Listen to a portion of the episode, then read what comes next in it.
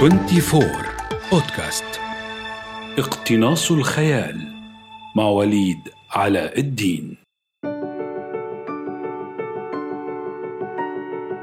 الرغبة في التعبير بواسطة الكتابة الأدبية هي حجر الأساس. وسأفترض أن متابعتكم لهذه الحلقات من اقتناص الخيال تعني توفر هذا الجانب من المعادلة لديكم وهو الرغبة. ولكن توفر هذه الرغبة لا يعني غياب العوائق أو العقبات التي تحول دون تحويل الخيال من وسيط معنوي إلى وسيط مادي يسمى الكتابة الأدبية. وهو الأمر الذي سنتحدث عنه بعد جولة سريعة فيما يسمى بدوافع الكتابة أو لماذا نكتب. هذا بودكاست اقتناص الخيال من 24 ومعكم وليد علاء الدين. الكتابة قهرية. هكذا صاغ ديفيد بلداتشي إجابته عن سؤال لماذا نكتب؟ ضمن كتاب حمل الاسم نفسه صدرت نسخته العربية سنة 2015 عن الدار العربية للعلوم. ويضم إجابات عشرين كاتبا وصفتهم المحررة بالناجحين بمنطق المبيعات والشهرة والقراء. قد يعني القهر هنا أن الكتابة ليست فعلا اختياريا مثلما تقول تيري ماكميلان إنها لم تختر الكتابة لكنها حدثت لها. أو مثلما قال سو جرافتون إن الكتابة هي كل ما يتقن فعله. أو كاثرين هاريسون التي تقول إن الكتابة هي الشيء الوحيد الذي تعرفه. وهو المعنى الذي تؤكده آن باتشيت إذ تقول لا أعرف كيف أقوم بشيء آخر. وكذلك جودي بيكولت التي تقول أكتب لأني لا أستطيع ألا أكتب. لكن يمكن للقهر أن يكون أعمق كما يبدو في حديث جينيفر إيغان التي يجتاحها شعور بالفقد عندما لا تكتب أو ميغ والتيزر التي تكتب للتحرر من القلق.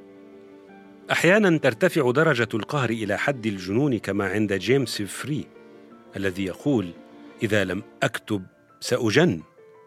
وهو المصطلح نفسه الذي استخدمته ساره جروين إذ تقول إن الشيء الوحيد الذي يدفعها للجنون أكثر من الكتابة هو عدم الكتابة. ويرتفع معنى القهر درجة عند جيش جين التي ترى أن غياب الكتابة مثل عدم التنفس. ثمة ظلال طريفة في أحاديث الكتاب الذين استعانوا بالفقد والقلق والجنون والموت في إجاباتهم. فجيمس فري الذي يتحدث عن الجنون يضيف لإجابته سببا يؤكد جنونه إذ يقول: عندي عائلة وأحتاج إلى نقود. أما ديفيد بلداتشي صاحب فكرة الكتابة قهرية فيضيف أنها أفضل من أي مخدر. تجعلك راضيا عن كل شيء. يبدو أنه قهر صاحب مزاج. اللافت للنظر أن الكتاب الذين لم يستخدموا أفكار القهر والقلق والجنون والموت كانت إجابتهم أكثر تعبيرا عن قلقهم وخوفهم من الجنون والحياة والموت. فجين سمايلي تقول أكتب لأبحث في الأمور التي تثير فضولي. وريك مودي يقول أكتب لكي أصلح عجزي وأستعيد ثقتي. وهو وصف قريب من فكرة أرمستيد موبين الذي يقول أكتب لأشرح نفسي لنفسي لأفهم كوارثي وأرتب بعثرة الحياة.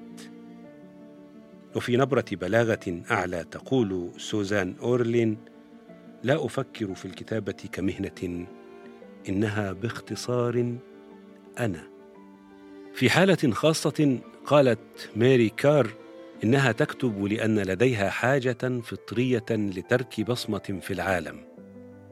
ربما هو خلل في الترجمة لأن ترك بصمة في العالم أقرب إلى الرغبة وليس الحاجة إلا إذا كان قائده الشعور بالنقص وليس الشعور بالعظمة.